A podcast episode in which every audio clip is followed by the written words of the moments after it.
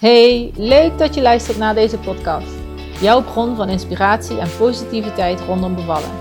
Als tegenhanger van de vaak minder fijne bevallingsverhalen die je hoort en onbewust met je meeneemt. De podcast is een verzameling van mooie bevallingsverhalen en gesprekken, waarbij het gaat over het belang van vertrouwen in jezelf, vertrouwen in je lichaam en het bevallingsproces.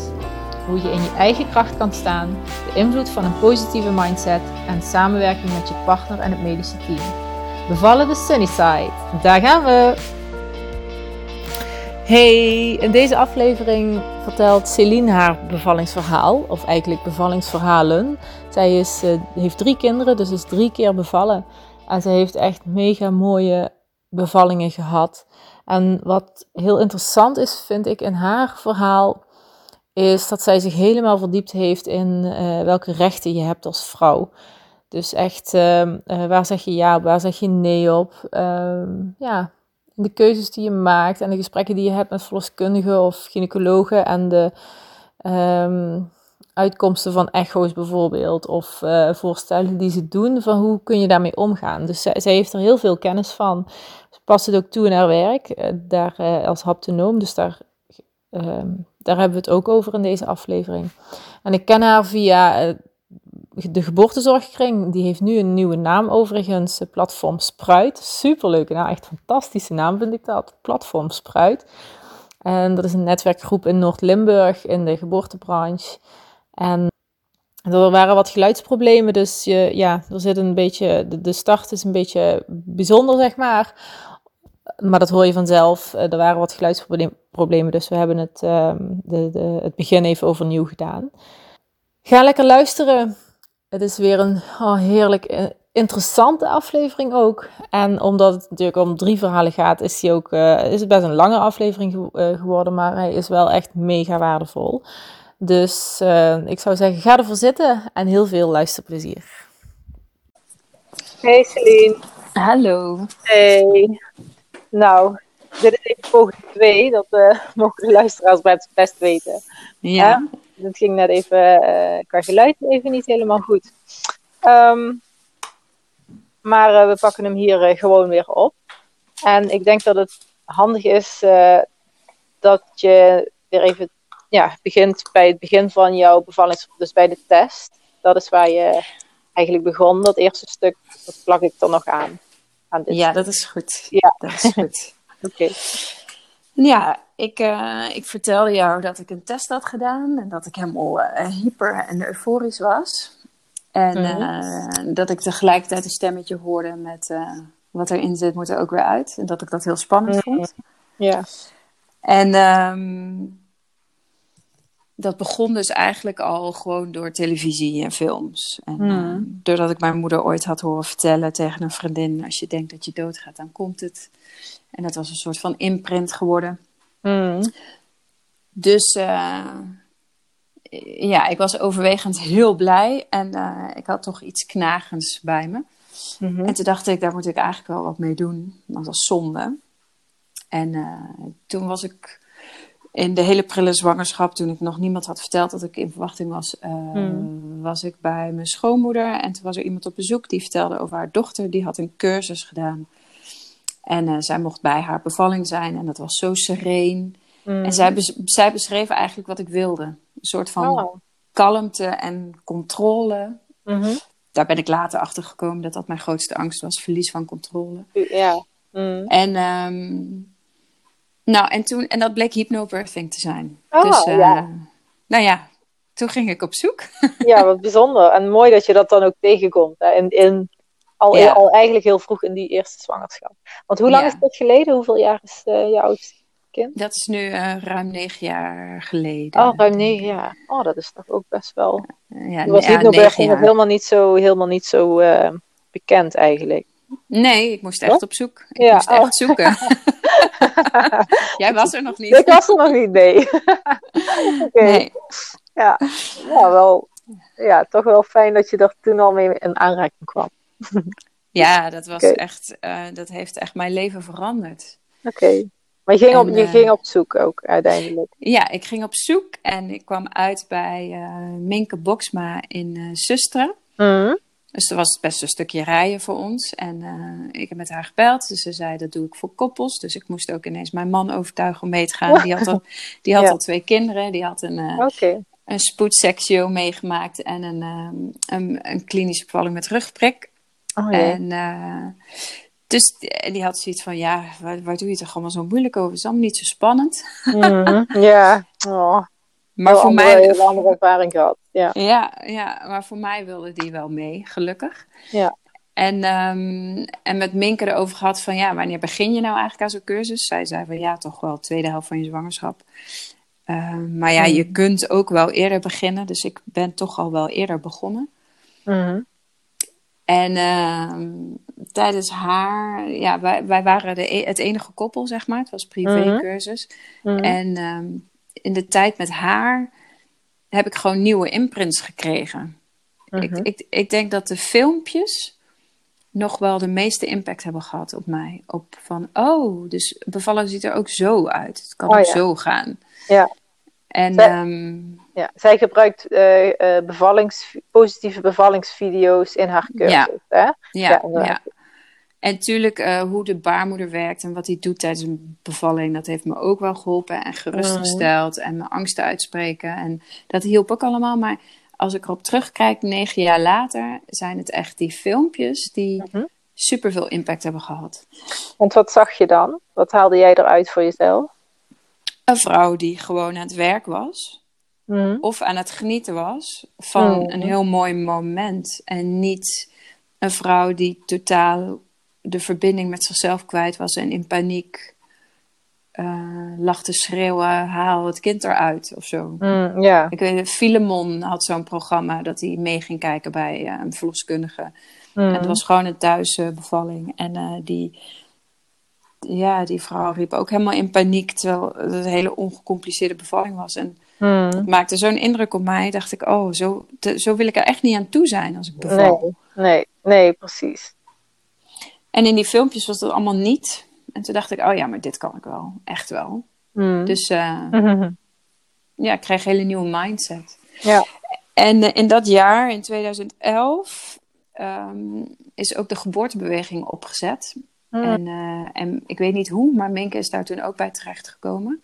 Mm-hmm. En uh, heeft mij erop gewezen. En ik dacht, oh, dit is een soort van ja, al lang bestaande groep van vrouwen die zich inzetten voor vrouwenrechten tijdens de bevalling. Mm. En, uh, maar dat bleek achteraf helemaal niet zo te zijn. Ze waren Mm. ook nog maar net een Facebookgroep. En ik kwam daarbij. En uh, daar heb ik zoveel van geleerd. Ja. Is dat die Ja. groep van Merte Korteweg? Of is dat niet Nee? Anne, Anne Meerte heeft een eigen groep opgezet, Vrije Geboorte. Oh ja. Gebaseerd op haar boek. Mhm. En dat is heel erg um, de spirituele kant. En wat is nou een vrije geboorte? En hoe, hoe beleef je Mhm. zwangerschap en bevalling? Maar de geboortebeweging is echt een, een, een, groep activistische vrouwen... die zich inzetten voor de rechten van vrouwen tijdens uh, ja, human rights in childbirth. Ja. En um, nou ja, er zaten verloskundigen op en doula's en moeders. En um, daar heb ik zo ontzettend veel van geleerd. Mhm. Ik was zo goed voorbereid op wat mijn rechten waren, wat een goede bevalling Mhm. was. Ik had ook Vrije Geboorte van Anne Meerte gelezen. Ik ging ook op die groep Vrije Geboorte, dus dat kwam ook allemaal wel. Ja.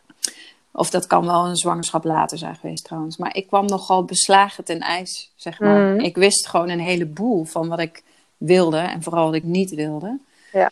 Dus ik had al heel vroeg, uh, vroeg besloten, nou, ik wil in bad bevallen. Dat lijkt me geweldig. En, Ja. uh, en ik wil zoveel mogelijk hands-off. En ik wil uh, door de hypnobirthing cursus natuurlijk ook wel geleerd. Ik wil het op mijn eigen manier doen. En uh, Mhm. ik ging ook nog wel voor de vorm zwangerschap yoga doen. Omdat ik nieuw was in Venlo. En mensen wilde leren kennen. Dus ik dacht, nou, Mhm. als ik nou allemaal zwangeren leer kennen. Dan heb ik binnen no time leuk sociaal contact hier. Ja. Dat, dat viel tegen. Oh. maar op zich waren die lessen op zich dat was best Ja. leuk.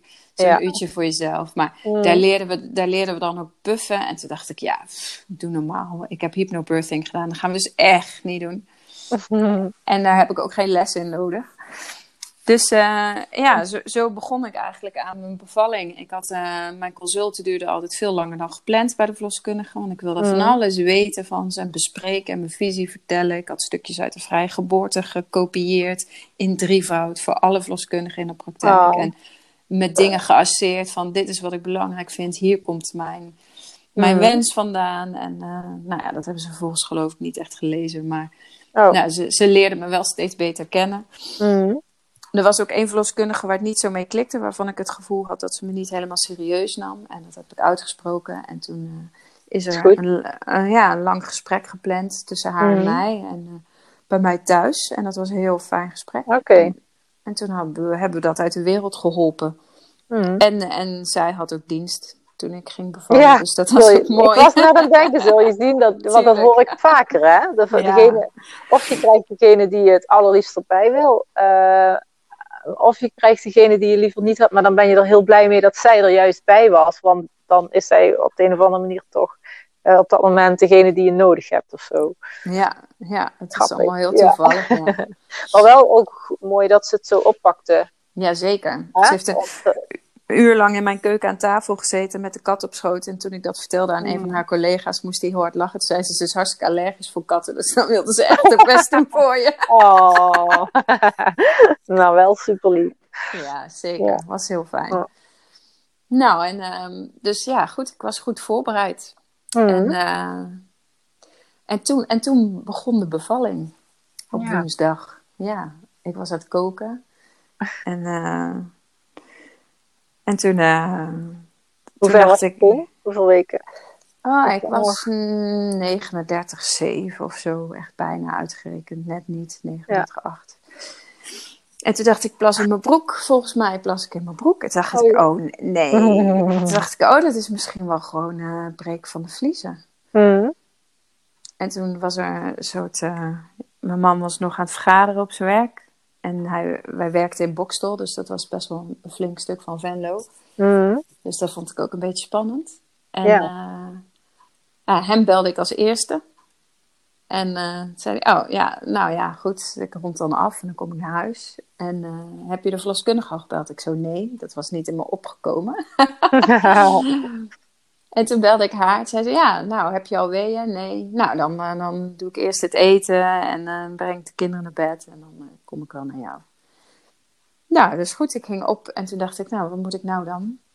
Nou, to toen ben ik maar weer gaan koken. dat was heel gek. Mm. dacht, ja, nou, ja, verder met de orde van de dag. Maar je was en wel heel relaxed en... ja, zeker. Of, of ja. ja, nou, super. Ik was vooral heel blij. Heel, uh, ja, uh, ja, ja, opgewonden. Als in, mm -hmm. oh, nou gaat het eindelijk gebeuren. Ja. En nou, mijn man kwam thuis, we hebben gegeten en gelachen. En, en toen kwam de verloskundige en die heeft uitgelegd van... Nou ja, nu is er nog, zijn er nog geen weeën en daar heb je dan zoveel tijd voor. En dan wordt het ziekenhuis en bla bla. Nou, daar waren we natuurlijk helemaal niet zo blij mee. En ook haar dienst die, liep af na twaalf uur of zo. Mm. Dus we waren wel, hadden zoiets van, oké, nou ja, goed, beter komt het toch wel op gang nou. En toen zijn we naar huis gegaan. En toen zijn we voor de televisie gaan zitten. We zaten in Breaking Bad op dat moment. Dus toen hebben we gewoon een aflevering aangezet. Heel passend. Ja, heel passend. nou, en toen, toen is het wel begonnen. Toen kwamen de mm. weeën wel. En best snel ook.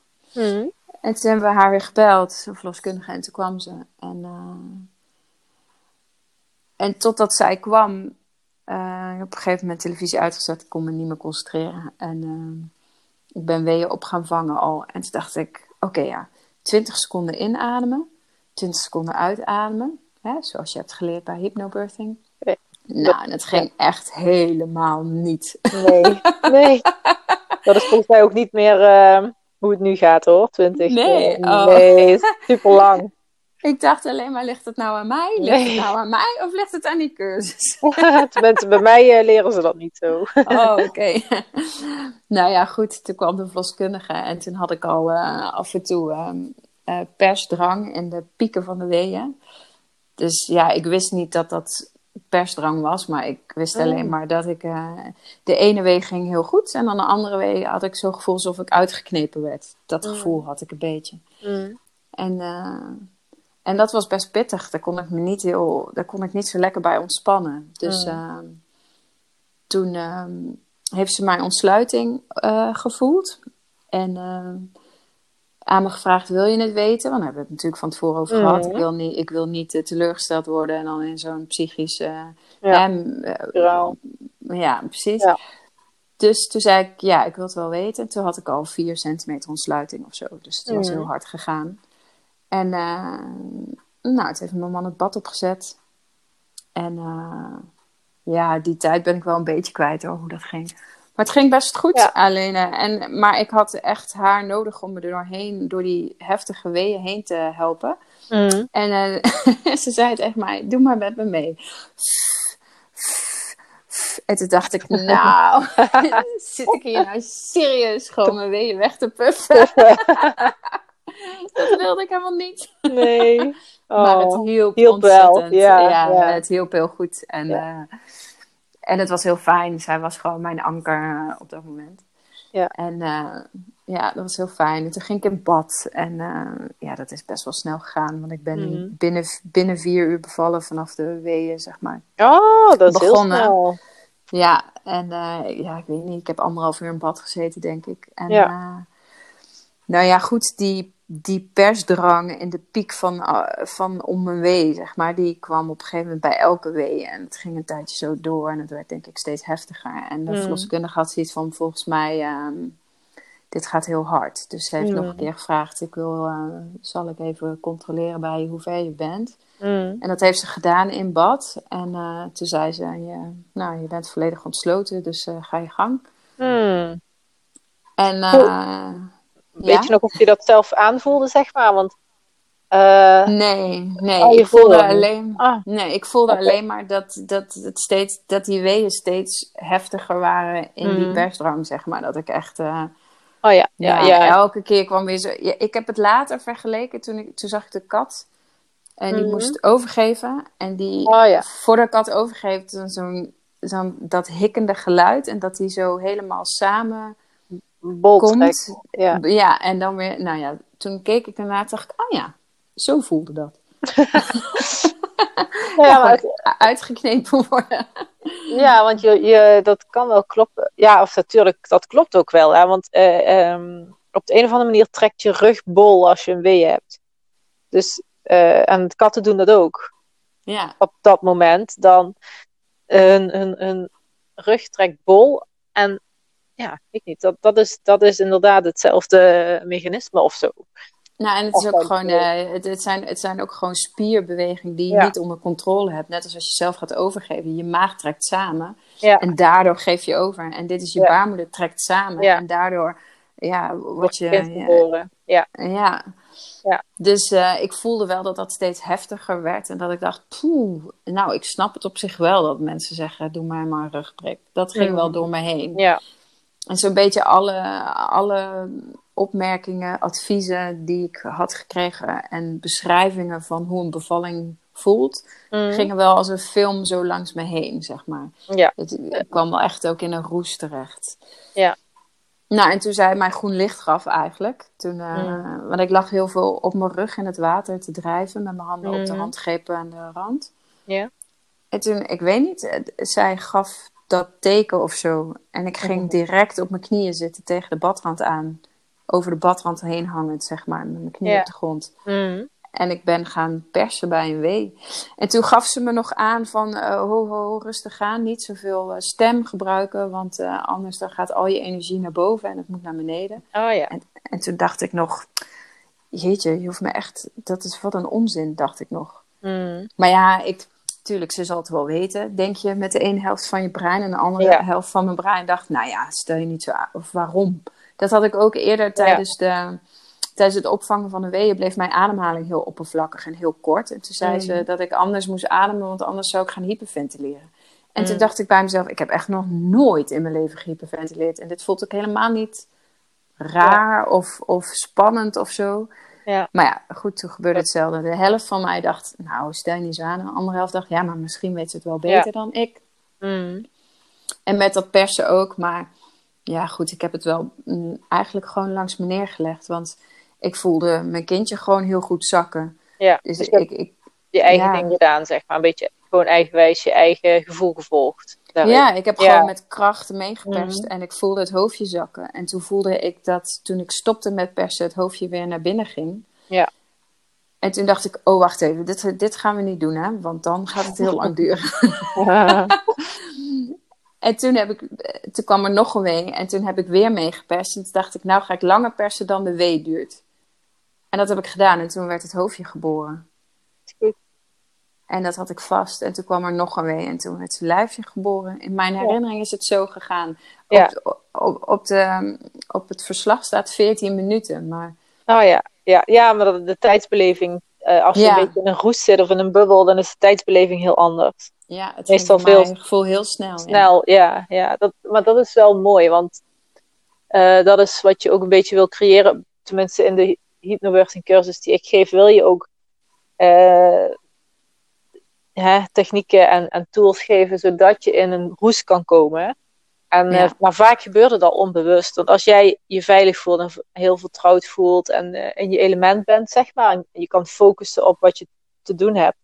eh, de natuur heeft het al zo gemaakt dat je dan in een roes komt of in die bubbel. En de tijdsbeleving is dan heel anders. Dan gaat alles veel sneller. En, ja. Ja. Dus dat is wel heel mooi dat je dat zo zegt. En heel, ik vind het heel mooi om te horen dat je eigenlijk eh, op intuïtie je eigen ding hebt gedaan. Ja, en, en ik vond het vooral heel gaaf dat ik me zo hyper bewust was van elke beweging die hij maakte in mij, Mm. zeg maar. Nou ja, Ik, ik heb niet zozeer gevoeld dat zijn benen en voetjes of dat soort dingen, maar wel echt dat ik hem voelde zakken. ja, En dat ik hem terug voelde schieten. En dat ik Ja. hem vervolgens geboren voelde worden. Ik zijn kruintje vastpakte en toen Ja. zijn lijfje. Dat ik dat zo bewust heb Oh. meegemaakt. ja, super mooi. Ja, en hem ook, eh, ja, hij dreef in het water. En ik was een beetje zo, ja, wat ben je dan, hè? Een soort van overdonderd of zo. Mhm. En, ehm, en toen hebben mijn man en, mijn, en de verloskundige nog gezegd van, pak hem maar hoor.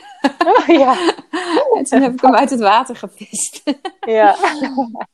Oh, toen was Ja. je er. Heerlijk. ja. ja, En eh, eh, toen heb je hem op je borst genomen, denk Ja. ik. Hè, tegen je borst aan. Bedoel, dat is dan ook Ja. een eerste reactie. ja. Eh, en weet je nog of de nageboorte, eh, hoe dat gegaan is? Nee, ik kan me eigenlijk niet herinneren Nee. of hij nou in bad is geboren of niet. Nee. Volgens mij is hij in bad geboren. Oké, ja. Nee. Maakt ook niet uit hoor, maar dat is toch Het ging vanzelf in ieder ja, geval. heel Daar ben je dan ook niet mee bezig. Dan Meer, je bent dan veel meer gefocust op je kind. En wow, daar is die. En eh, wauw, wat Ja. geweldig. En hoe tof is dit. En nou ja, Ja, geluidjes maakt. En misschien wil je hem aanleggen of wat dan ook.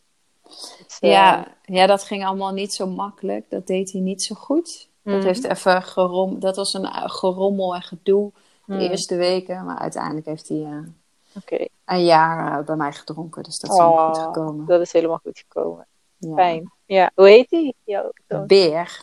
Beer. Oh, wat leuk.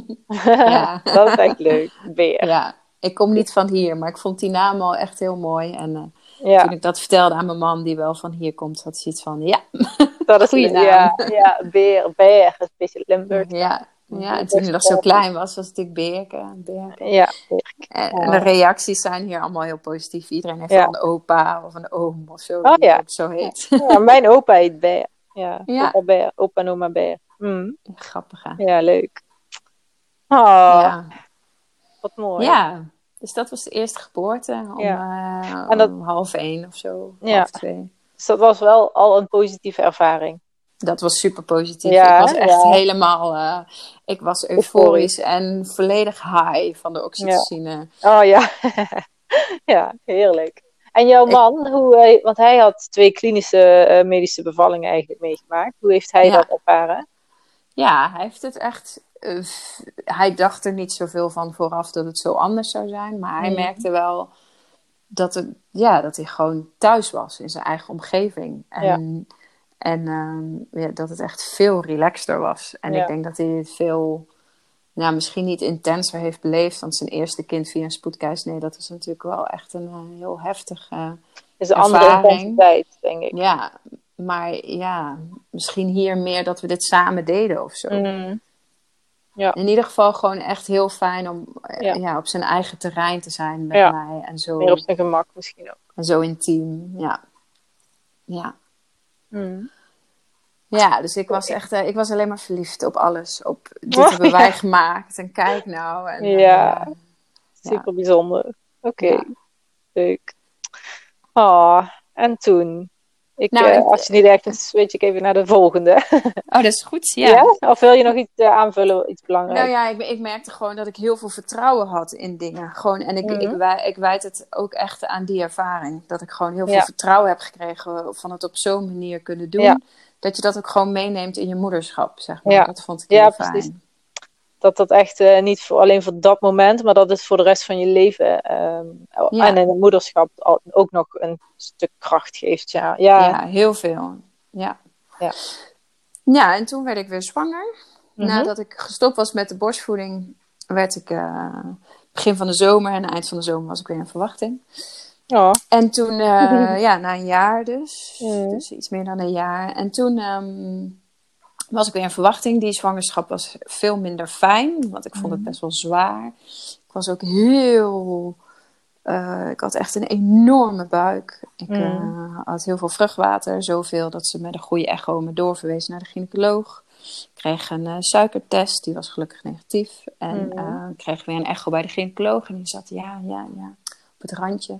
Maar ja, ik was natuurlijk nog steeds bij de geboortebeweging. En ik, ik las me nog steeds heel veel in. En toen zei ik, maar Ja. wat, wat, wat, wat gaat het advies nou zijn? Dat ik een, een groot kind heb met veel vruchtwater. Dus dat je misschien gaat inleiden. Maar dat wil ik toch niet. Ik ga toch thuis bevallen. Want ik geloof meer in, in, in rechtop in bad. Een groot kind baren dan op een ziekenhuisbed met een inleiding. Op je Dus-. Ja, dus toen zei ze, nou ja, is goed. Dan draag ik je weer over naar de verloskundige. En toen ging ik weer terug.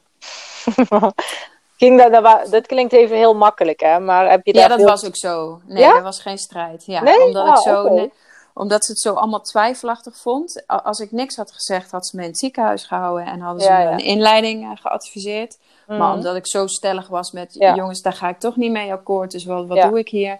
Ja. Ik, heb, ik heb daardoor ook gewoon geleerd eh, dat je vooraf aan een onderzoek je mal, al mag afvragen, wat doe ik met de uitkomst?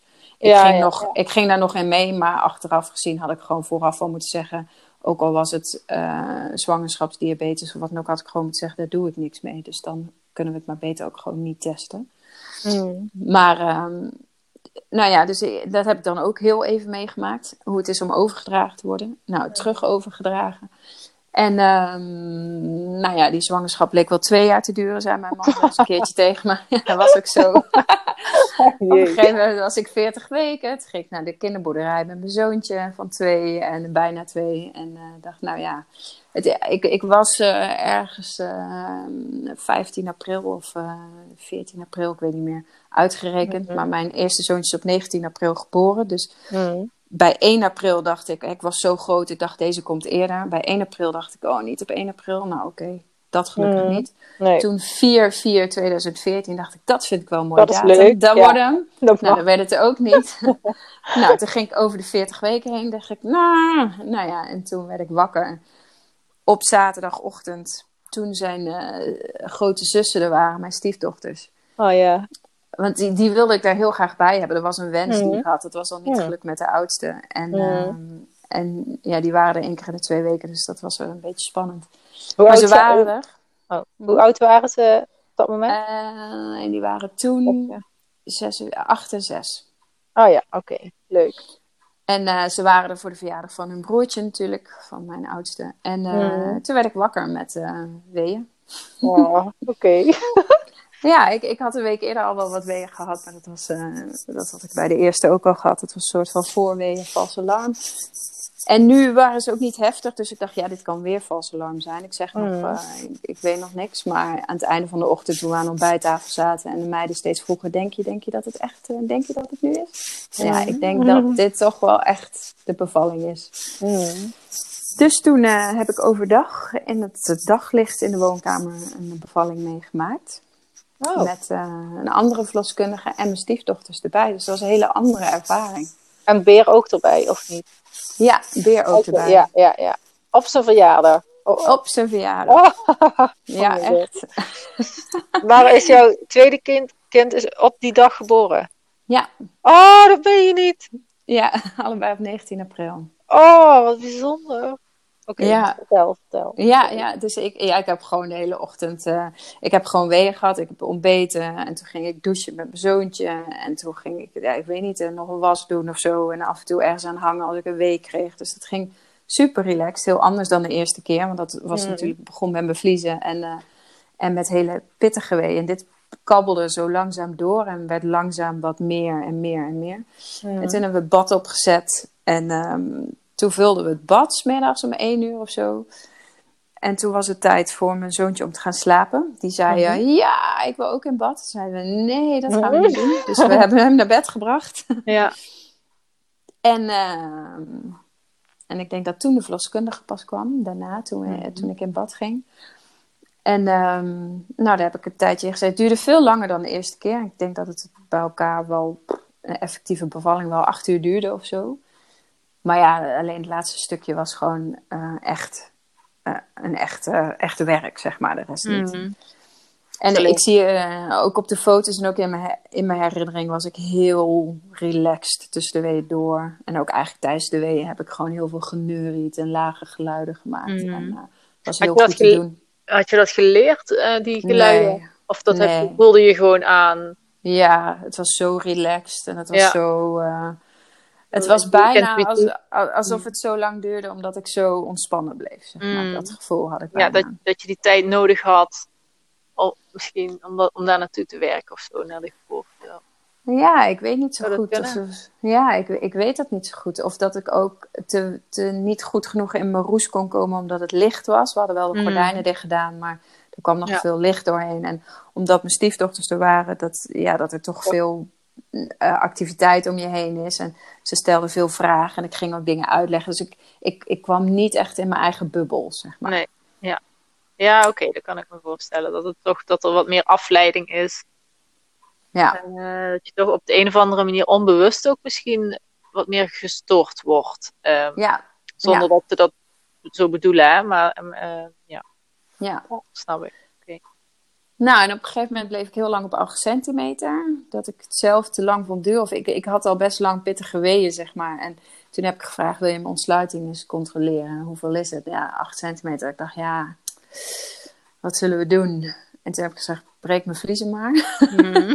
ja. Daar had ik echt van tevoren niet gedacht dat ik daarom zou vragen. Maar ik dacht, ja, doe toch maar wel. Want dan Ja. Komt er weer wat meer verandering of zo. Dan Ja. gaat het wat harder.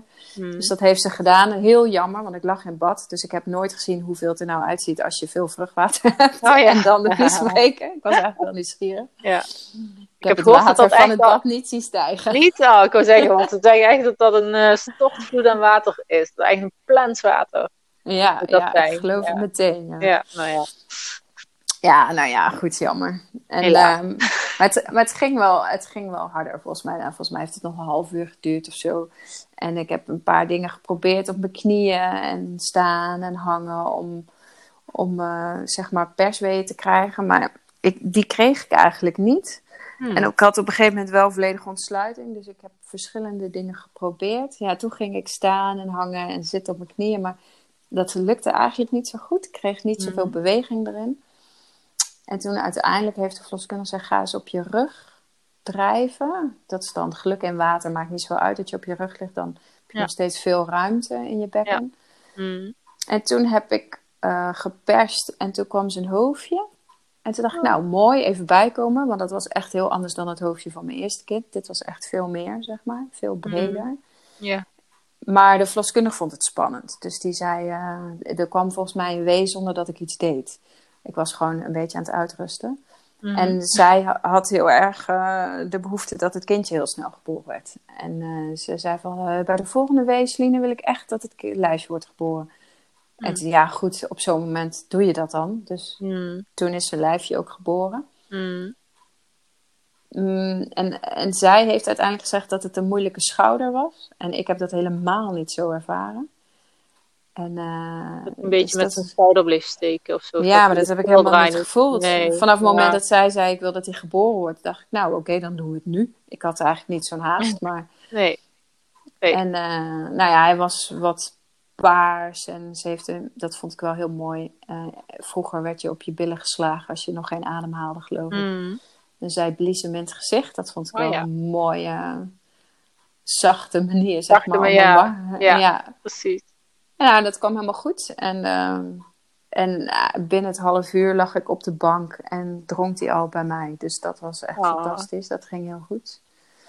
Fijn. Dus ik heb eh, van die bevalling vond ik vooral dat de verloskundige het zelf een beetje spannender vond dan ik. Dat ik dacht, Mhm. hmm, dat was helemaal niet nodig. Het ging hartstikke goed. Ja. Maar wel heel blij dat ik eindelijk bevallen was en de zwangerschap voorbij was. En eh, eh, toen had ik inmiddels een draagzak. Die had ik bij de eerste niet. Dus ik, eh, Mhm. hij heeft de, de eerste drie maanden van zijn leven gewoon een externe zwangerschap mogen ervaren op mijn buik in plaats van erin. Oh. En eh, ik had een co-sleeper, wat ik bij de eerste ook niet had. Dus hij sliep ook bij Ja. ons. En het, het was echt een hele fijne tijd. Die, Mm. het, met beetje het dat cocoon. ja. En hoe Ja. heet hij? Hoe heet hij? Hij heet Vier. Vier. Oh, mooi. Ja. F-I-E-R. F-I-E. Ja. Trots. Ja. Ja, ja, Belgisch. Of ja, Ja. nee, ook ja, wel ja, ja. Nederlands, hè, maar vooral Belgisch. trots. Ja, precies. Ja. Op, en Ja. op 1904, ja, ik vind dat al heel- helemaal geweldig. 1904. ja, ze zijn nu altijd samenjarig. Ja. Ja. En Ja. zit twee jaar, dan twee jaar tussen. ja, precies twee jaar. Ja, ja. Oké. Nou, en Vier heeft iets langer dan een jaar borstvoeding gekregen. Mm. En eh, toen stopte ik daarmee in de zomer ook. En eh, toen dachten we, nou, dan, dan eh, gaan we voor nog een kindje. En dan, ja, dat, ik, dan is het meer van, nou, dat doen we nu niet meer voorzichtig. Oké, we doen niet meer voorzichtig. En we dachten, zullen we dan mikken op een cyclus later? Dat we nu een kindje in mei hebben in plaats van in april. Nou, dat, Oh, is ja. wel, dat vinden we wel mooi. Oké, nou, maar toen de voorzichtigheid losgelaten werd, toen werd het toch een cyclus eerder. Dus Ah. ik werd zwanger van een kindje wat in maart was uitgerekend. Oké, nou. Ja, dus theoretisch kon het weer Ja. 19 april worden, maar dat is het Oh, niet ja. geworden. Nee, nu is het eh 20 april of zo. Eh, ja, nee, nee, nee. Nee, ook niet. Ah. Oké, oké. Ik hoor het zo meteen. Ah, ja. nou ja, die zwangerschap was wel echt super fijn. Ik wist dat het de laatste keer was. En ik deed al eh, de opleiding tot haptotherapeut. Want dat had ik Mm. besloten na het krijgen van mijn... Of eigenlijk tijdens de zwangerschap van de tweede besloten. Ik wil vrouwen eh, helpen hiermee. Ik wil vrouwen, niet alleen maar mijn vriendinnen en iedereen die het wil horen... vertellen over hoe mooi bevallen kan zijn. En hoe wij... Ja, eh, hoe... ehm, hoe oneerlijk het is dat vrouwen worden behandeld zoals ze worden behandeld, heel vaak in de verloskamer. Mm. En ehm, toen dacht ik, ja, hier kan ik gewoon mijn werk van maken. Mm. En ik dacht, oh, haptonomie is een mooi medium, hè? haptonomische zwangerschapsbegeleiding.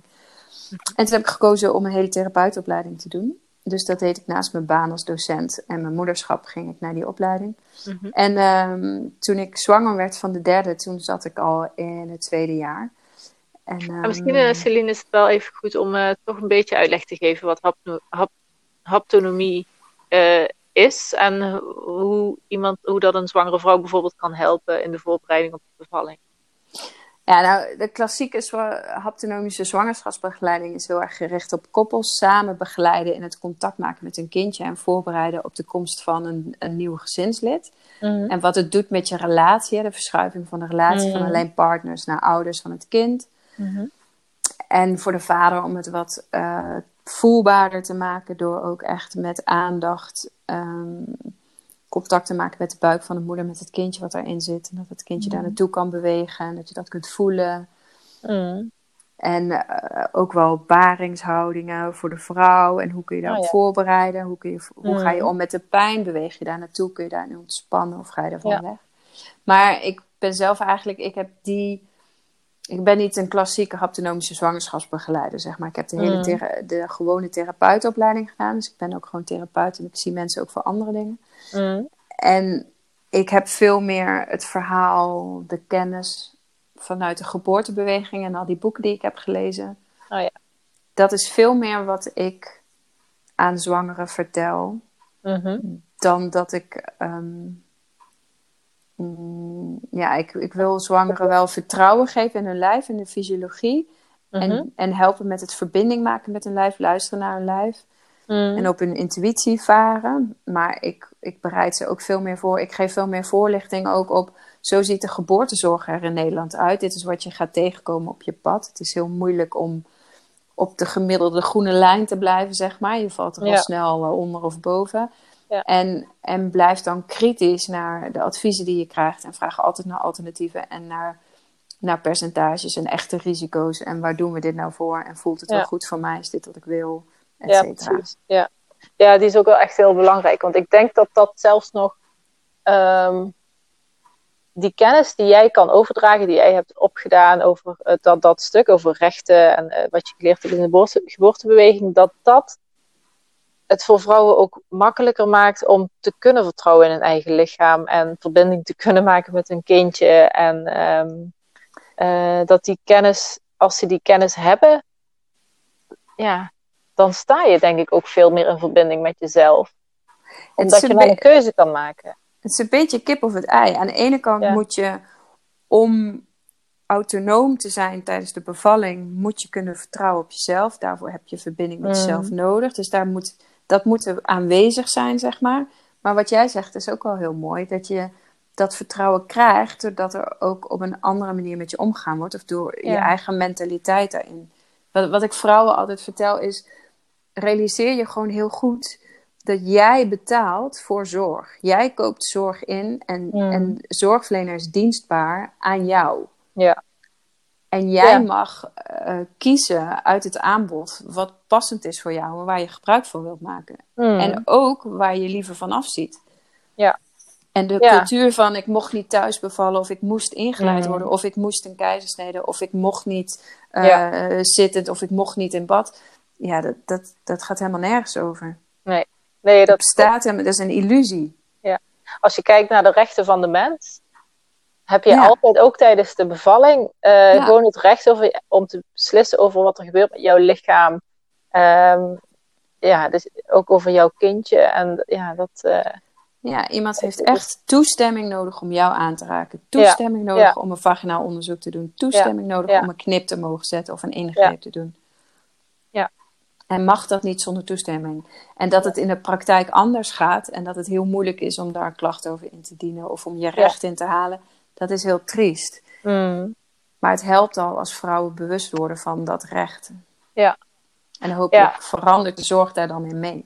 Ja, ja en, en ik kan me ook voorstellen aan de andere kant, uh, ook vrouwen die zich daar niet van bewust zijn, dat het evengoed oké kan zijn als een Ehm, hoe moet ik dat zeggen? Het is niet zo per definitie dat elke vrouw dat dan als het vervelend ervaart als er geen toestemming gevraagd wordt. Oh nee, er zijn zeker niet. Er zijn natuurlijk superveel vrouwen die het juist op zo'n spannend moment van een bevalling ja, fijn het heel fijn vinden dat iemand ze, zich over ze ontfermt. En waar ze zich aan vast kunnen houden, zeker. Ja. En, en voor, voor die vrouwen is er misschien ook niet eens zoveel aan de hand. Alhoewel er ook onder die groep best veel vrouwen zijn die ja. achteraf met een zure nasmaak terugkijken en denken: Nou, volgens mij was niet alles nodig. Of wat als we niet dit hadden gedaan. Ja. Maar, nou maar er is ook gewoon ook een grote groep die wel behoefte heeft aan die autonomie. Ja, en, en het moet dus, als je, als je die behoefte niet voelt om, om de regie te houden en je het uit handen wil geven, dat is mm. prima. Maar als mm. dat maar een keuze is. Ja. Ik, la, ik, las vandaag heel mooi in het boek van Millie Hill, dat heb ik vandaag uitgelezen. Give ja. Birth Like a Feminist. Ze mhm. zei, die toestemming um, of die regie moet je geven. Het moet je niet ontnomen worden. Als het iets is wat je weggeeft, prima. Mm. Maar als iemand het van je afpakt, dan wordt het traumatisch. Ja. Oh, dat is heel mooi gezegd, ja. En dat, dan kom je weer terug op dat stuk controleverlies waar jij zo bang voor was bij die eerste ja toen je de test had gedaan. En uh, ik had trouwens precies hetzelfde als ik er nu bij nadenk. Ik, ja. ik, had ook, ik wist precies wat ik wilde. En daar heeft ook niemand mij vanaf kunnen, kunnen helpen. nee, of helpen, halen of wat dan ook. Ik, stond, ik moest wel stevig in mijn schoenen staan.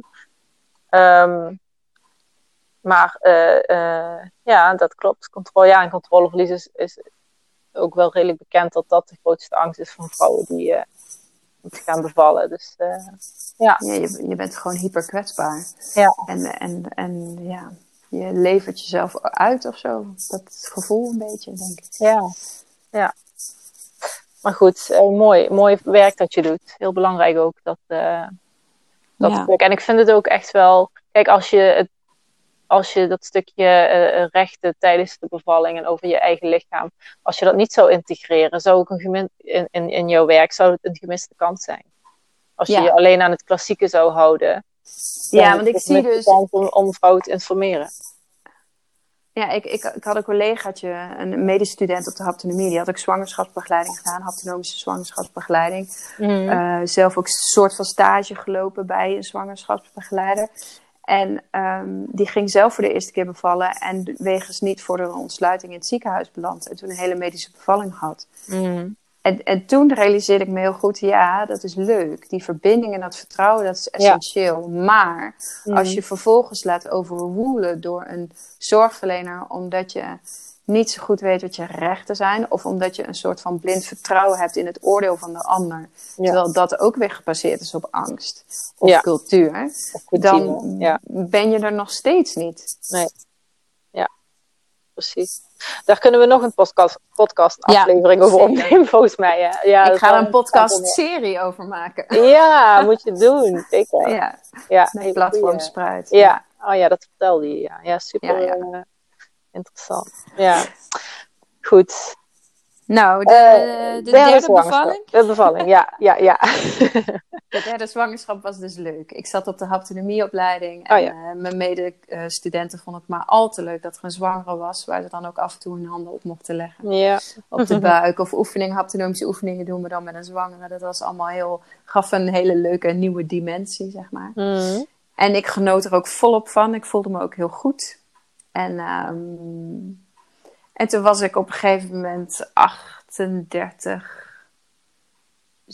38, 6 of zo. Dus Mhm. echt, eh, dat- ja, die andere kindjes kwamen rond 40 weken. Dus ik dacht, nou, ik voorlopig nog niet.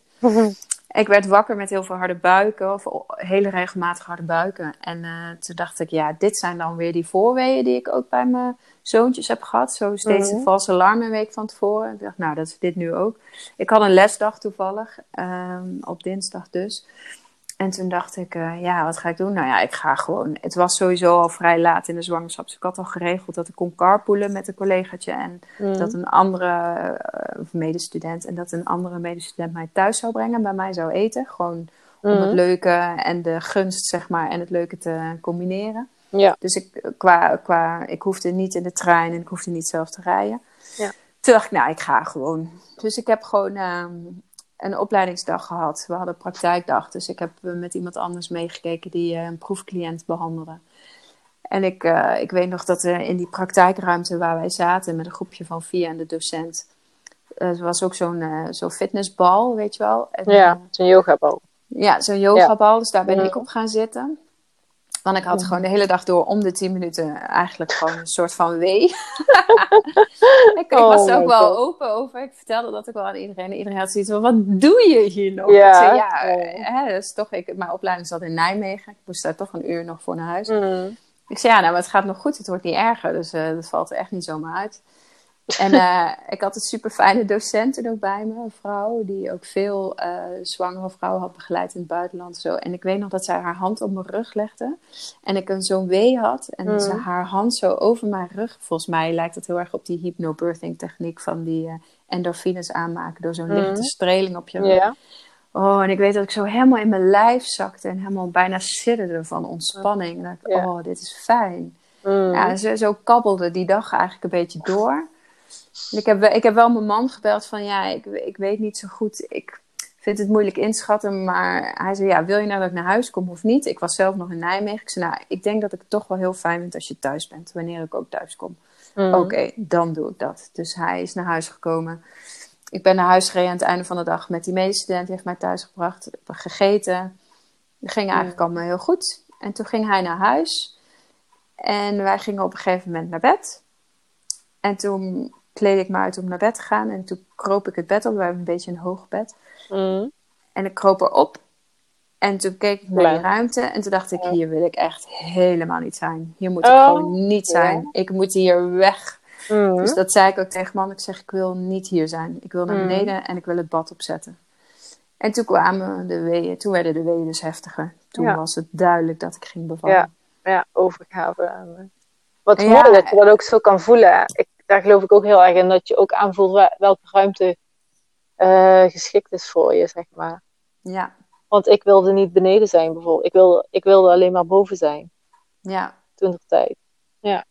Ik, ik heb cursisten gehad die een thuisbevalling niet overwogen, want haar slaapkamer was een beetje laag in plafond. En ja, mm. ze, ze, had vanaf het begin dat ze dat huis kocht, had ze zoiets van, ja, hier kan ik niet bevallen. En toen keek ik haar aan en zei ik, maar er zijn toch nog wel meer kamers in het huis? Ja. en toen gingen de ogen wat wijder open. Oh ja, dat had ik eigenlijk nooit overwogen. ik zeg, ik ben nog nooit in de slaapkamer bevallen. nee. Kijk, hè, dat is ook een soort van uh, kader of zo, dat je meekrijgt. Je bevalt ergens waar een bed staat, maar dat hoeft helemaal niet. Of een bad. Nee, dat kan overal zijn. Ja. heel gek. Ja. ja, nee, dus we hebben het bad opgezet beneden. En um, uh, er was één verloskundige met verlof. En, uh, en toen was er een waarneemster, maar die was heel jong. Die had nog geen mhm. kinderen. Een heel jong meisje gewoon. En uh, die had ik al wel een keer in een consult gezien, zodat ik haar ook een keer leerde kennen. En ze had van mij gehoord in een vergadering. En ik had in mijn derde zwangerschap aangegeven, ik wil geen groeiecho meer. Dan ging het mhm. bij de vorige mis. Hè. Toen hebben jullie gemeten dat het kindje groot was en veel vruchtwater. Ik zeg, dat gaan we gewoon niet doen, want ik heb er alle vertrouwen in dat het goed komt. Ja, ja, maar je had toch een beetje een moeilijke schouder. En dit kindje is dan misschien groter. Ik zei, nou, daar geloof ik gewoon niet in. Dat komt echt goed. Mm en, Had je dat, uh, ja, dat vind ik toch knap hoor. Ik vind toch wel. Nou, maar niet, maar, maar niet als je dagelijks op de geboortebeweging uh, verhalen Nee, nee dat begrijp ik. Ja, ja, ja, weet je wel. En, en hoe, ik moet ook... hoe vaak ze ernaast zitten met die mm. groei-echo's. En ja. ja. Dan moet ik toch ook zeggen dat, ik, dat mijn ervaring nu ook is met het werk dat ik doe, de podcast die ik opneem, dat er vaak uh, metingen worden gedaan. En dan wordt er ook echt gezegd: Oeh, ja, nee, je baby is toch wel echt wel groot. Moeten we even wat testen. En dan moeten ze ook naar ziekenhuizen in andere uh, steden bijvoorbeeld. En dan of vervolgens is er niks aan de hand. Inderdaad, of ze worden ingeleid en dan blijkt bij de geboorte niks aan de hand te zijn. Ja, oh, precies. Ja, dus dat, ik snap het wel. Maar ik snap ook wel uh, dat je dan nog wel kan denken van... zij zullen het wel beter weten. Ik neem het zeker voor het onzekere, want... Nee, ik was me heel erg van bewust dat zij vanuit angst en voorzichtigheid handelde en adviseerde. En dat ik dacht, ja, maar wat, stel dat mijn kind echt groter is, maar mijn buik was helemaal niet groter dan bij de tweede, dus ik geloofde daar ook niet zo in. Dus eh, dan geloof ik nog steeds in een, in een verticale baring in bad, meer dan in een inleiding. Uh, ja, ja. Ja, ja, zeker, zeker. Ja, absoluut. En ik geloof ook eigenlijk niet dat de natuur je een kind geeft dat te groot zou zijn voor jouw lichaam of zo. Dat, nee, het, dat, het niet past. Of dat het, dat, dat geloof ik. Ik geloof dat jij het kind draagt en kan baren dat precies past voor. Ja, Dat jullie passen bij elkaar. Ja. Ik vond dat ook toen mijn dochter geboren was, uh, had ik altijd het gevoel als ik haar op mijn borst droeg, dat dat ook helemaal in elkaar paste. Dat wij ja, dat op die is manier. Zo. Gek hè? Dat is toch, ja, dat, ik heb dat eigenlijk nog nooit uitgesproken, maar ik dacht, dat is misschien een beetje gek, maar ik, ik vind dat wel echt. Ja, dat heb ik ook zo ervaren. Ja, dat, want bij, bij mijn vriend past het ook, maar anders. ja, je hebt gewoon een, je hebt een kuiltje met, met twee kussentjes aan de zijkant. Een beetje zoals zo'n aankleedkussen wat ze adviseren om tussen de kussens in te leggen wanneer je met je kind in bed wil slapen. Nou ja, dat, dat is al ingebouwd. ja, dat is helemaal dat zo hebben we ingebouwd. Al. Ja, ja, ja, zie je? Ja, nou, leuk. ja. Ja, dus maar, uh, ja. nou ja, ik had met die waarnemers dus een consult uh, gehad. Ja, dus ze had al gehoord van, oh, jij bent die cliënt die niks wil. Oh, ja. maar ja, stel dat ik dienst heb, uh, dan wil ik toch even afstemmen waar het allemaal vandaan komt en mm. hoe je erin staat. Dus ik had dat gesprek met haar en ik, ik raak altijd heel verhit en um, oh, ja. ja, weet je, gepassioneerd als ik het erover heb. En mm. nou, ik merkte aan haar dat ze het een beetje spannend vond, want ze kreeg een hele rode nek met vlekken en zo. Mm.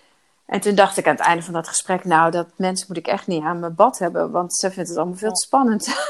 Mm, ja. nou ja, dus drie keer raden wie er opnam toen ik weeën kreeg s'avonds. Ja. Nou, dat was dus zij. nou, en uh, ze kwam dan naar me toe en toen zat ik al in bad en uh, ik heb echt nog nooit zo'n fijne begeleiding gehad. Ja, zie je. Dat zei ik in het begin van het gesprek. Hè? Ja, echt ongelooflijk. Het, het was gewoon... Uh, kijk, bij de eerste was het misschien heel fijn dat ik een hele ervaren verloskundige had die mij er doorheen trok, omdat ik het echt wel pittig vond met die persdrang in de weeën. En het allemaal zo hard ging. Maar bij die derde was ik natuurlijk zelf al super relaxed, omdat ik al twee keer goed bevallen was. En, maar zij was ook, zij heeft echt alleen maar op de bank gezeten met thee. Ik geloof niet eens, ze, ik weet niet eens of ze me ontsluitend nog gecheckt heeft. oh. Het ging zo fijn. Nou, ja. Ik heb, ik, en het was Wat dus... gek, hè, dat- eh, ja. Misschien dat zij zich daar, doordat jij zo duidelijk was, dat zij zich daarop heeft kunnen instellen. En misschien ook nog wel ingelezen, bijvoorbeeld. Ik zeg maar iets. Ehm, Zou dat kunnen dat zij door, jou, door jouw manier van zijn en jouw kennis en eh, hoe je erin staat, dat zij zich aan jou heeft kunnen overgeven? Nou, ze, ze, ze heeft zelf aangegeven dat ze stage liep in Brabant, op het platteland, waar vrouwen ook helemaal geen poespas wilden. Ze zei, en dat ze pas Oh ja. opgeleid was en dat ze in Maastricht, geloof ik, en dat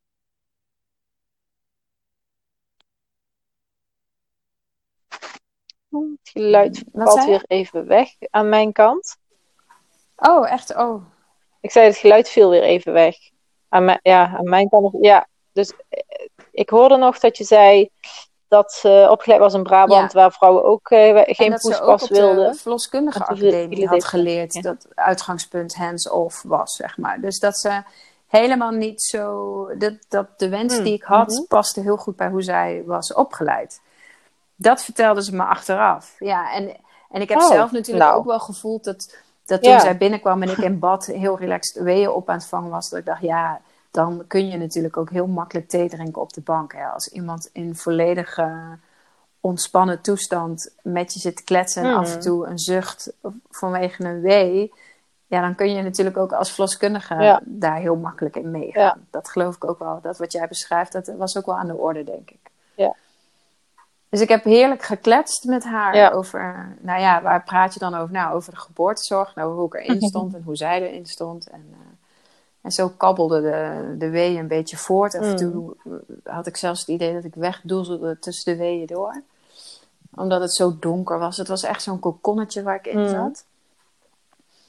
Ja, nou en het Ja, laatste lekker. stukje vond ik wel moeilijk. Want ik voelde aan mijn weeën dat ik wel op het einde zat. Maar, en ik kon ook wel meegaan persen Mhm. bij weeën. Ze had denk ik ook wel gevoeld hoe ver ik was en dat ik volledig ontsloten was. En ik zelf voelde een hele duidelijke nee. Nee, ik wil nog niet. Ik ben er nog niet aan toe. Ik, eh, ik kon heel makkelijk die drang zeg maar wegzuchten. En dat bleef ik ook maar doen. Zo van, ik wil die, ik wil die poort nog niet Mhm. door of zo. Oké. En ik weet nog dat ze aan me vroeg van, wat is het dan? Waarom, Mhm. waarom wil je nog niet? En ik weet niet meer zo goed wat ik heb geantwoord toen hoor. Maar ja, ik was er gewoon, ik, ik weet niet, ik, durf, ik durfde het nog niet aan of zo. Ik weet niet waarom. Nee, je, ik, je zou het denk heel spiritueel kunnen Mhm. bekijken met, dit was mijn laatste keer of zo. En, eh, en ze kwam ook veel eerder dan ik had ja. verwacht. En misschien was ik nog gewoon niet aan toe. Of ik, ik weet het niet zo goed. Maar iets, ja, ik durfde Ja. gewoon nog niet die transitie door te gaan of zo. Ja. Of je vond gewoon Ja, die ontsluitingsfase heel relaxed en fijn. En dat je daar nog helemaal in zat. Ja, het is meteen, je moet dat uit je oxytocinebubbel in die adrenaline stappen en ineens in actie komen. En ik was gewoon aan het uitstellen Mm. nog. Maar ja, goed, Ja. door dat uit te spreken naar elkaar Ja. ook en, en haar reactie te horen, dacht ik, oh ja, kom onzin, hup, op die knieën en gaan. Dus dat heb ik gedaan. Ik ben gewoon weer eh, op mijn Mm. knieën over de badrand gaan hangen. En ik heb geperst en, ehm, en toen Mm. kwam haar hoofdje. Dus nou ja, zoals ik altijd doe, mijn hand gaat naar, naar beneden en ik voel eh, waar mijn kindje zit en ik wil die zachte haartjes voelen van het kruintje. En toen schrok ik heel erg, want toen had ik geen kruintje vast. Mm. Ik voelde geen haartjes, ik voelde rare bobbeltjes. Oh. En eh, ja, in de, in de roes waar ik toch nog in zat, dacht ik, oh nee, Mm. zijn dit Mhm. voetjes? Is het een handje? Dus ik zei, het is niet goed. En, eh, en toen keken mijn man en zij mee in het donker in het water. En ik hoorde alleen maar, jawel, jawel, het is wel goed. Doe maar. En eh, toen heb ik haar in één uh, weder uitgeperst. En toen bleek gewoon dat ze een sterrenkijkertje was. En dat ik haar neusje in mijn handen had. Oh, ja. Dat ik haar een snoetje in, mijn, in mijn vingers had zitten, zeg maar. Ja. Verrekijker.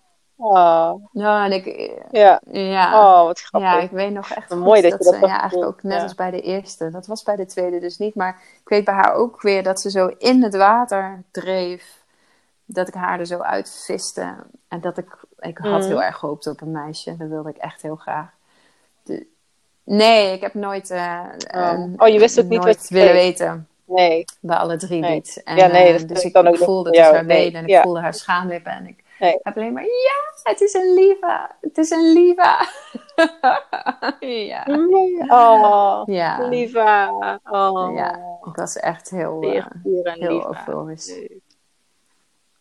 En, ehm, ik, hoe, want je, Ja. je bevalt dan op je knieën, zeg maar. Je hangt over de badrand heen. En ehm, wordt je kind dan achter je geboren of Ja, voor je? Sorry, een heel gekke vraag. Maar ik zie Bij het even Beer weet ik echt Of, dat hij achter voor je of pak je haar aan en neem je... door mijn benen heen in het water. En ik weet dat Ja. bij het oppakken dat ik mijn, mijn benen op moest tillen over de navelstreng heen om hem te kunnen pakken. Oh ja. En bij Mhm. Liva kan ik me dat moment Ja. niet zo duidelijk herinneren. Maar mm, ja, ik denk het ook.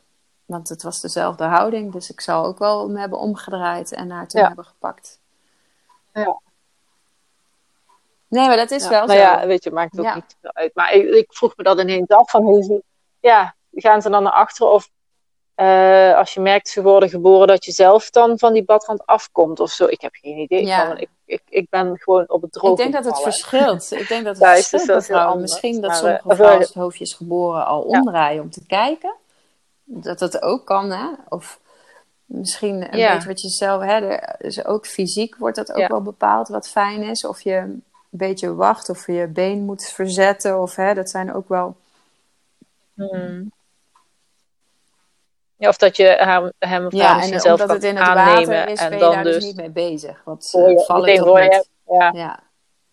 nee, dat zal ook wel. Nee, maar het is wel grappige vraag. Ja, nee, je maar bent het wel de eerste die het niet vraagt. Ik zag het ineens voor me. Ja, ja, ja, ja. en ik heb ook best veel bevallingsvideo's bekeken. Hè? Eh, dat doe ik nog steeds. Want dat vind ik, maar ik kan, het, ik, ik kan het zo niet voor me zien Ja. hoe dat dan eh, gaat in bad. Maar eh, Ja, oh, Ja. toen was ze er, Liva. en dat is echt Ja, 23 maart. mooi. En wanneer is zij geboren? En wanneer is. Midden in de nacht om drie uur. Oh, mooi dat. Ja, om Drie- over drie- drie, drie- om precies te Om zijn. drie uur. Ja. Ja. Ja, Oh, ja, dat is heel mooi. oh echt? Oh, drie. ook nog. Hm. Dan heb je gewoon drie Ja. bevallingen gehad. Hele mooie. Gewoon had je nooit. Had je dat ooit verwacht dat je, dat je het op deze Ja, manier wel. zou doen? Als je dan ging bevallen. Als je kijkt waar je vanda- vanaf komt, angst, vandaan maar komt mijn qua. moeder eh, heeft vier mind- kinderen allemaal qua- thuis ehm, gebaard. En er waren geen complicaties. Dus Oh ja. ik denk diep, diep wel van binnen was dat toch wel mijn uitgangspunt. Ja. Dat ik het op die manier zou doen. Ik, ik stelde mezelf echt nooit in het ziekenhuis voor. Ja. Het was gewoon... Ja, mijn moeder zei altijd: in Nee. het ziekenhuis beval je en thuis krijg je een kindje. Dus dat, ja, dat heb ik haar altijd horen zeggen. En dat was ook gewoon, eh, ja, voor mij was dat gewoon. Oh, eh, dat is een mooie, hè? ja, dat, dat was wel duidelijk, Schrijf zeg maar. Dat het zo zou gaan. Maar in bad Mhm. wist ik vroeger Ja. niet hoor. Dat is pas ontstaan in die zwangerschap. En eh, ja. Nee, dat snap ik. En eigenlijk wat je in het begin zei, ehm, je moeder had ook tegen je gezegd volgens mij van als je denkt dat je, Ja, als je, denkt dat je bijna ja. doodgaat, dan ben je er bijna. Toch?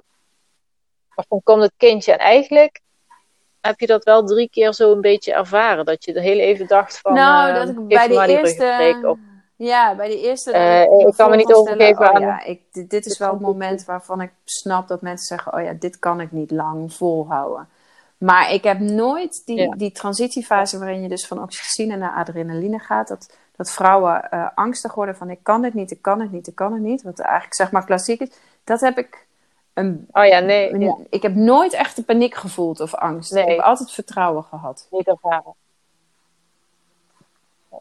Nee, precies. Het, het, het, Nee, heb ik niet ervaren. Eh, de uitspraak van dat je bijna doodgaat, ja, dat, dat heb je niet zo ervaren. Nee, maar als je het kleiner maakt of wat zachter maakt. Want eh, dan, Ik- ehm, ja, het, het wordt wat hard gezegd, maar er zit altijd wel een soort van kern van waarheid in. Want de, Ja, van ontsluitingsfase naar persfase eh, en dat je kindje er bijna is is, altijd Ik weet nog dat ik tegen mijn man maar, zei hè. bij de eerste, En, toen ze eh, me dus ja. eh, volledige ontsluiting had gevoeld bij me en me groen licht gaf van nou ga maar persen. Ik, toen hing ik nog aan de rand en toen zei ik tegen mijn man, dit gaat volgens mij echt heel erg pijn doen. ik voelde, weet je, je staat helemaal open, maar je voelt ook Oh, dat ja, iets ja. echt groter nog dan de poort waar het doorheen moet. En ik dacht, Ja. hoe dan?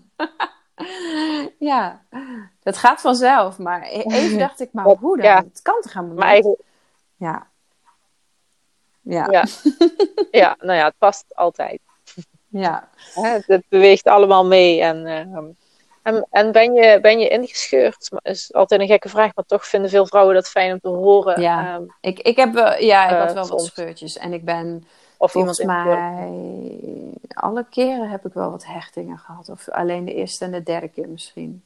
Maar heel echt kleintjes en nooit heel veel last van gehad. Nee, nee. Nee. Ja, ik hoor ook als je eh, in het water bevalt, eh, vaak. oh, en als je op intuïtie kan baren, is het Ja, inscheuren valt, is ook best wel beperkt dan. ja waren Dan heb je wel of wat scheurtjes of kleine hechtingjes, of, of je scheurt niet Ja. in. Maar ja, ze, Oh, ja, ik heb ook inderdaad. opgezocht in mijn eerste zwangerschap dat als je boven de Mooi. 30 bent, ehm strié ook bijna niet meer voorkomt, omdat je huid dan al wat losser is. Nou, dat is echt niet waar. ik heb gewoon Oh, strié gekregen. Van de tweede, van die grote, met, Ja. eh, met al dat Oh, vruchtwater. En die was ook 4,5 kilo. Oh, ja. Zo ja, logisch. Ja. Ja, ja. dat was een grote. Oh, dat was een grote, ja. Ach, Ja. Ja, ach ja. Hè? Hoe noemen ze dat? eh? Nee, ik weet het ja, al niet meer. Hoe noemen ze dus, Ja, iets van strijden. Ja, was een of andere zoiets. Ja, ja. Spijderstekens of zoiets, ja. Precies. Nou ja, ach ja. Nee, precies. Maakt niet uit. Hey, wat super mooie verhalen. Wat heerlijk dat jij zo'n positieve ervaringen hebt en gehad. En daar, ja, je hebt het ook helemaal zelf gedaan. Hè? Je moest ook zelf daar ja, toch wel eerst er bewust, worden, bewust van zijn. eh, ehm, van volgens mij kan het ook anders. En op zoek gegaan naar positieve verhalen, opties. Je kwam toen uit eh, bij iemand die hypnobirthing had gedaan, et cetera. Dus Ja, het is zo mooi hoe dat bij dan mij, het was echt rollen. een proces. zo'n. Ik kwam steeds meer en steeds, ja, ik kreeg steeds, Ja. blik op hoe zit het nou eigenlijk? En hoe komt het dat wij zo met vrouwen omgaan tijdens de bevalling? Mhm. Hoe komt het dat vrouwen zichzelf zo zien tijdens de bevalling? Dus ook de geschiedenis. En hoe, Ja. hoe we van, van Ja. vroede vrouwen, zeg Mhm. maar, in de, eh, in de vroegere cultuur, hoe we naar dokters zijn gegaan in witte jassen en met, met, met instrumenten. Mhm. En, en, en dat Ja. we daar dus nog steeds op voortbeduren, op die enorme Ja. verandering van wijze vrouwen naar dokters die gestudeerd hadden. Ja, precies. En hoe er ook nu toch wel een shift eh, te zien is, vind ja, ik hoor. inmiddels wel. steeds weer, meer ja. vrouwen die zich bewust worden van, eh, ja, ja, dus dat je steeds meer bewust wordt van, de, van je rechten, of dat het ook anders kan. Ehm, ja, dat je het ook samen met je partner wil doen, dat partners zich veel meer eh, als onderdeel van de bevalling willen voelen en willen Ja. weten hoe ze Ja. vrouw kunnen ondersteunen. Al die dingen. Is echt wel eh, gynaecologen, verloskundigen die zich daar Gelukkig in interesseren. Ja. Hands-off, bevallingen. Dus, ja, gelukkig wel. Ja, precies. Super mooi. En wat, wat ik vraag, de laatste vraag is meestal: ehm, wat wil jij vrouwen die nu zwanger zijn en die deze podcast luisteren, wat is jouw beste tip of je belangrijkste advies? Wat, wat zou je haar mee willen geven? Ehm, dat je ervan uit mag gaan dat het echt 9 van de 10 keer goed is. Goed gaat. En, en dat mijn bevallingen bijvoorbeeld, Hmm. ehm, geen, ge- dat was geen geluk. Dat was ook gewoon een mindset. En dat als je je niet van de wijs laat brengen en Hmm. gewoon vertrouwt op het proces en geduld hebt, dat je gewoon 9 van de 10 keer prima zonder problemen kunt bevallen. Dat is, Oh, die vind ik heel mooi. Ja, Dus want ik krijg dat ook te een horen. Oh, wat mindset. mazzel dat je dan zo makkelijk bevalt. ik denk ja, hoezo? Dan haal je dus al, al, al het werk eigenlijk wat Ja. ik eraan had... Wat ik eraan besteed had, haal je ook weer weg. Zo van, oh ja, Ja. ik heb me overal op ingelezen. Ik wist heel veel. Ik heb dingen voor mezelf uitgezocht. Keuzes gemaakt. Heel veel vertrouwen gekregen. Maar dat zou Ja. er allemaal niet toe doen. Nee, inderdaad. En dat je, dan durfde je wel te zeggen dat je bij wijze van spreken droombevallingen hebt gehad. Of durfde je dat niet eens, ook niet uit? Ik, ik had het heel erg. Dat ik, de meeste vrouwen eh, in mijn omgeving hebben een minder fijne bevalling ervaren. Dat ik bijna niet durfde Oh ja, te zeggen dat mijn zeggen. bevalling echt fantastisch was. Omdat dat, ja, ja, ik durf het nu ook hoor. Maar ik herinner me nog dat dat, toen dat net, toen zij net geboren was, toen Laura net geboren was. Ik durfde dat gewoon soms niet uit te spreken. Dat ik dacht, Ja. nou ja, laat maar. Nee, ik er... zeg maar niks. Nee, Of zo. Nee, nee. Ik, daar was ik dat altijd wel gewoon niet, echt heel dus. Nee, ja. positief over. alleen maar goed. Ja, Waar ik nu, Ja. ik, ik moet nu juist oppassen als iemand mij een eh, heel vreselijk verhaal vertelt. dat- Dat ik niet op allerlei, dan vraag ik wat is er dan gebeurd. En, en dat ik dan bij allerlei beslissingen van buitenaf niet moet zeggen, oh, dat hadden ze niet over doen. Want dan, dan, dan, eh, ja, dan voed ik Ja. heel erg dat gevoel, Dat wat als verhaal. ik nee had gezegd. Ja. Wat als we niet naar het ziekenhuis waren gaan. Wat als, dat, dat is nu mijn valkuil. ja, ja, ja, precies. Hmm. Ja, dat, dat herken ik soms ook Ja, wel. Ik ben me daar wel wat meer van bewust, maar ik snap het wel, ja. Nou, Omdat en je ook zelf omdat meer weet, maar het komen is- na een ja. traumatische bevalling. En dat ik ze... Ik wil ze geen schuldgevoel aanpraten, want die schuld ligt niet Ja. bij hen. Maar ik wil ze laten inzien Ja, dat ehm, Nee. hoe de manier waarop zij een kind hebben gekregen niet te vergelijken is met een gewone natuurlijke spontane bevalling. Hè, als iemand is ingeleid, zegt dat helemaal niks Mm. over hoe je je eigen weeën op zou vangen, hoe je jezelf zou bevallen. En, en om dat te laten inzien, probeer ik vrouwen bewust te maken van hoe grote effecten waren van de interventies die ze zijn ondergaan, zeg maar. Hmm. ja. Dus ja, dat is mijn Ja, grootste precies. advies. Vertrouw daar Dat is, gewoon eh, op. Ja, ja. Hele mooie. En ik denk dat die eh, heel mooi is om mee af te ronden. Dus eh, ja, echt super dankjewel Celine. Ik vond het heerlijk. Heerlijke verhalen. Gewoon echt, oh, daar kan ik zo van genieten. En dan ben ik zo blij dat deze aflevering ook weer toegevoegd wordt eh, aan de podcast. En ehm, ja, ik, ik, weet, ja, ik zei het al aan, ook weer aan het begin, maar je, ik weet zeker dat hier minimaal één of meer vrouwen hun inspiratie uithalen. En vooral omdat de podcast ook steeds meer beluisterd wordt. Echt niet normaal hoe vaak een aflevering eh, echt kort nadat die live gaat eh, beluisterd wordt. Dus steeds meer eh, vrouwen die deze podcast kunnen vinden. En dit verhaal, dus- en jouw verhalen dus ja, ook. heel graag Echt gedaan. eh, super dankjewel ervoor. En ja, en ehm, ja, ik ja, nou, ik wens je nog een hele fijne dank je avond. wel. Yes, Doei. Oké.